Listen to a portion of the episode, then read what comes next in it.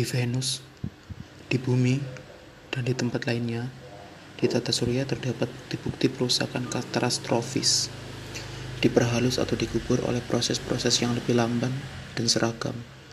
Di bumi, misalnya, hujan yang mengalir menjadi selokan, anak sungai, dan akhirnya sungai menciptakan lembah aluvial yang luas. Di Mars, bekas sungai-sungai kuno mungkin muncul dari bawah tanah di Io, yakin salah satu bulan Jupiter. Sesuatu yang tampak seperti kanal-kanal lebar terbentuk dari aliran belerang cair.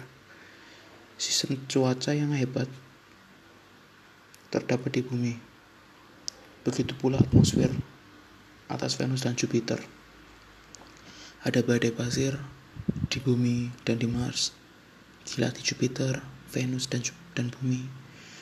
Gunung api melontarkan diri material ke atmosfer di bumi dan Io. Proses geologi internal perlahan mengubah permukaan Venus, Mars, Ganymedes, Eropa, dan juga bumi.